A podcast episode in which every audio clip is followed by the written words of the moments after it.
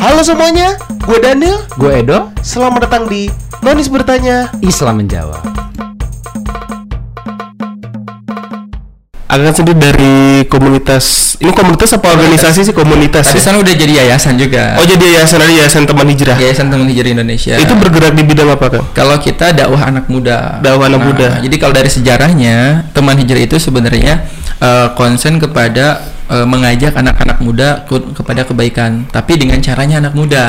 Oh jadi lebih kayak bahasa-bahasa juga disesuaikan. ya? disesuaikan. Terus kita secara kajian itu sebenarnya lebih mengawalinya itu bukan di masjid. Iya. Kafe tuh kafe. Wah. Nongkrongnya di kafe. Jadi dulu-dulu kayak gitu. Ah. Nah, karena sekarang jamaahnya banyak gitu. Iya. Oh iya. Jadi udah nggak akan bisa ketambung kan Iya. di kafe. Karena kafe juga ada. Nah. Mau ada yang lain juga kan gitu. Tapi sebenarnya dulu sebelum pandemi itu kita eh, tetap sering mengadakan sebulan sekali tuh di kafe. Di kafe. Di kafe dan kita batasi orangnya waktu itu. Oh. Jadi kita bikin acara di kafe full biasanya kadang dari siang atau sampai maghrib gitu ya. Ada Iya, entertainnya gitu. iya. Jadi kalau kita tuh dakwanya anak muda gitu. Anak yang senang musik ya kita fasilitasi. Oh, iya. Silakan eh, bikin eh, apa sesuatu yang bermanfaat yang Ah, positif. ah, ah. Kayak di botani. Kita kan setiap tahun Ramadan itu pasti ada kajian di botani. Iya betul. Emang udah udah rutin sama botani udah tahun ketiga kalau nggak salah. Jadi di situ ada sharing session, ada game, kemudian ada entertain. Ah. Ya pokoknya nggak kelihatan kayak kajian sih. Ah, iya. Saya, kita tarik ke belakang dulu Kang. Eh, ini tuh berdiri te- pada tahun berapa sih Kang? Pada 2016. 2016. Iya. Itu a- akan sendiri apa sebagai Enggak, foundernya? ya? bukan sih. Saya bukan founder, tapi foundernya tuh banyak. Foundernya Jadi, banyak. Berawal dari beberapa orang sih sebenarnya. Tapi akan termasuk generasi awal ya. Termasuk yang mengawali juga. Melawali. bukan Berarti bukan sesepuh apa gitu. pendiri bukan, tapi pas didirikan diajak sebenarnya. Oh Iya. gitu. Cuman enggak waktu itu belum belum mau full ikut sebagai pengurus tapi lebih kepada yaudah eh, support aja dulu Iya. gitu. Nah awal mula bikin ini komunitas ini tuh niatnya apa sih Kang? Terus pengennya apa? Gitu? Niatnya tuh karena resah sebenarnya. Resah. Jadi gini, kita itu dulu ngumpul-ngumpul gitu ya, sering nongkrong di kafe gitu. Iya. Ya pasti tiap malam minggu weekend lah ngumpul-ngumpul Ah, sama teman kayak gitu. ah. Tapi kok lama kelamaan kayak gini-gini terus gitu. Pasti kalau kegiatan yang dilakukan gitu-gitu aja menjenuhkan gitu kan. Iya betul. kayak ada sesuatu yang bikin hati tuh kayak gimana gitu Artinya gini banyak ternyata di antara anak-anak muda itu yang hampa gitu Oh, iya. gelisah gitu resah maksudnya gini kita nongkrong oke kalau nongkrong kesengganya kan punya duit gitu ya Ah, tapi ternyata duit itu nggak bisa ngebeli kebahagiaan gitu Wah. kita ngopi-ngopi tapi ternyata juga nggak bisa ngebeli ketenangan gitu kan akhirnya ya apa ya bikin apa ya gitu sesuatu yang bisa mendatangkan ketenangan buat hati oh Iya. berarti memang tandanya ketika hati gelisah sebenarnya Allah tuh lagi menuntun kita menuju hidayah gitu oh subhanallah. Nah itu yang akhirnya kita coba sambut gitu ya. Ya udahlah, biar ada faedahnya nih hidup Hmm. kita sebulan sekali kita ngaji kayak gitu awalnya. Di kafe itu Di apa? kafe waktu itu. Akhirnya ngumpul lah di kafe ngadain ya biasa sharing. Ada ustadz akhirnya diundang gitu. Ah. Ya kita sama-sama pada nggak ngerti agama juga gitu. Ah. Benar-benar kayak ya blow on banget gitu ya dalam beragama gitu. kayak gitu. Tapi ini menurut saya merupakan ini loh terobosan. Apa karena emang jarang jarang saya ngelihatnya yang fokus geraknya ke anak muda dengan Iya, betul. bahasa-bahasa itu. Ini sorry ya kan bisa bisa dibantah kalau saya Hmm. salah.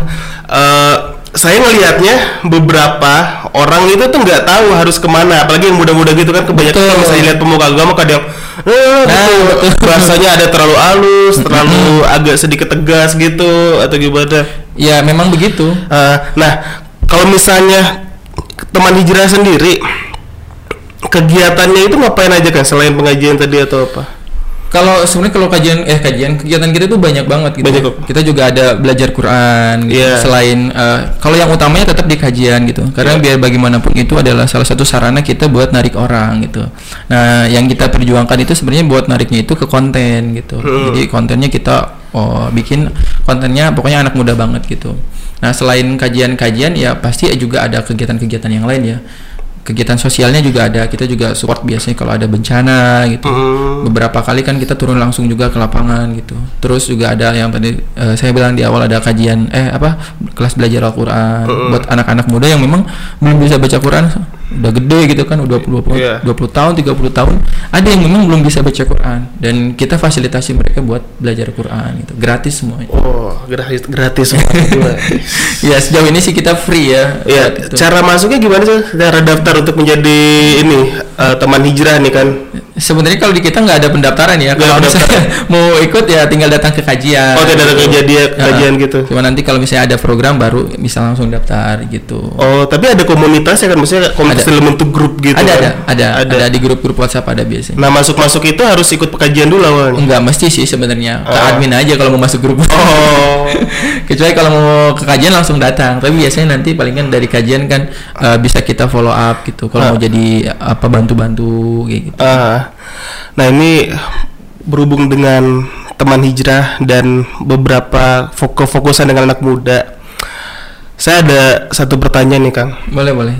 Gimana gimana? Menurut Akang, Kang Rensu, di zaman yang pemuda sekarang seperti ini dengan kecanggihan zaman seperti ini gitu, agama tuh masih diperlukan nggak sih Kang? Wah masih. Justru. Iya, eh, kan sekarang kan lebih banyak ini melencengnya tuh lebih gampang tuh Kang, Iya. melenceng jauh dari itunya. Nah justru itu sebenarnya justru di, di- jadi gini kalau kita, kita bela- eh, belajar dari sejarah gitu ya peradaban itu sebenarnya eh, hancur dan berkembang gitu ya Iya, dan setiap hancurnya peradaban itu selalu ditandai dengan kemerosotan moralitas gitu Betul. ya moralitasnya hancur Iya. akhlak perzinahan maksiat itu udah tak terbendung maka Iya. disitulah Allah akan menghinakan satu kaum gitu iya, Nah, kalau kita bia- belajar dari sejarah gitu ya. Dan pasti dalam sejarah juga kan sebenarnya anak-anak muda ada gitu ya. Iya, ada. Dan menjadi tolak ukur eh, sebenarnya gini, yang menjadi tolak ukur kebangkitan suatu eh, generasi itu Iya. peradaban itu adalah diukur dari anak mudanya oke, gitu. Nah, Islam itu sebenarnya kalau kita ngelihat catatan sejarah berjaya selama 1300 tahun. Ya, dari zamannya Rasulullah gitu. Walaupun sebenarnya dari kalau dilihat dari sejarah Islam, Islam itu memang hadir pertama kali di bumi ya dibawa oleh Nabi Allah Adam alaihissalam gitu ya sampai kepada Nabi Muhammad Shallallahu alaihi wasallam karena semuanya mengajarkan tauhid gitu kan untuk menyembah Allah kalau dalam eh, ajaran Islam. Nah, dari zamannya Rasulullah Shallallahu alaihi wasallam Islam itu berjaya selama 300 eh, 1300 tahun dan itu silih berganti kepemimpinannya. Iya. Nah, titik terendah daripada sebuah peradaban itu ternyata ada di anak muda. Nah, apa anak mudanya? Yaitu tadi hancur nih moral. Iya. Maka akhirnya peradaban itu beralih ke eh, kepemimpinan yang lain di mana pemimpin itu dia senantiasa menghidupkan gitu ya eh, apa ibadah dekat dengan Al-Qur'an sebagai kitabullah di dalam Islam gitu ya dan meng, apa ya dia menjalankan perintah-perintah Allah sebagaimana yang seharusnya maka kemudian Allah mengangkat eh, kaum tersebut nah begitupun dengan keadaan hari ini Iya. sebenarnya sekarang itu agama menjadi solusi. Makanya gelombang, mohon maaf gitu ya. Gelombang mualaf di barat itu begitu banyak. Ya, semakin Islam hari ini dihujat, semakin Islam hari ini dizolimi, semakin Islam hari ini difitnah. Justru ternyata itulah yang menjadi pintu masuk orang-orang yang selama ini membenci Islam, nggak tahu Islam, jadi mengenal Islam. Oh. Berapa banyak orang yang dulunya sangat membenci Islam sekarang menjadi pembela Islam. Nah, karena apa? Mereka belum tahu. Nah, makanya kita itu ya memaklumi saudara-saudara kita yang mungkin selama ini belum tahu karena memang ya mereka nggak tahu Islam Iya. yang sebenarnya seperti apa gitu. Sebenarnya kan eh, Islam itu solusi gitu ya.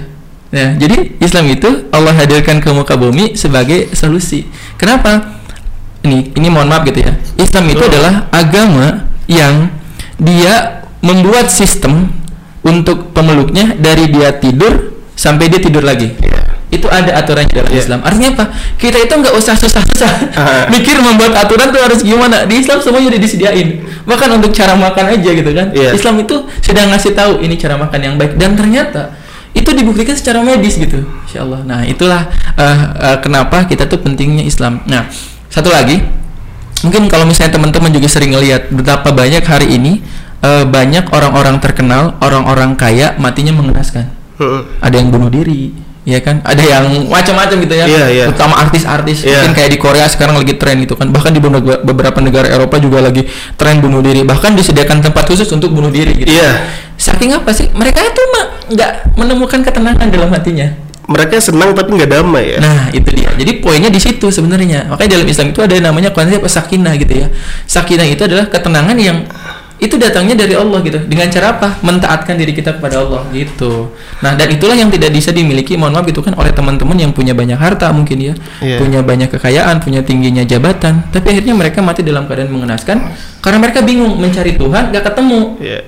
Nah, makanya Islam itu sebenarnya hadir untuk memberikan jawaban buat orang-orang yang gue tuh harus kemana sih gitu kan Iya. gua udah gini-gini tapi kok kayaknya nggak tenang nah akhirnya di Islam tuh memberikan ketenangan gitu. Wah, itu Itu ada sih yang saya rasakan gitu Tapi mohon maaf panas banget ya oh bukan itu salah satu konklusi yang sangat nyambung sekali ya dengan hadirnya teman hijrah dan emang bener sih kata Kang Renzo kan apa kalau misalnya kadang pemuda tuh kita kelihatan seneng iya tapi hatinya tuh hampa gitu. Betul. walaupun kita punya harta punya segalanya tapi kan hati itu nggak bisa dibohong gitu ada suatu hari kita ini ya Kang kita lagi termenung diam gitu, tiba-tiba ah kok saya begini amat sih Nah. padahal semuanya ada gitu hampir semua anak muda mungkin pernah ngerasain Iya, makanya kan ada pepatah yang bilang katanya "Mo- money cannot buy happiness. Asik. Nah, iya benar-benar Iya.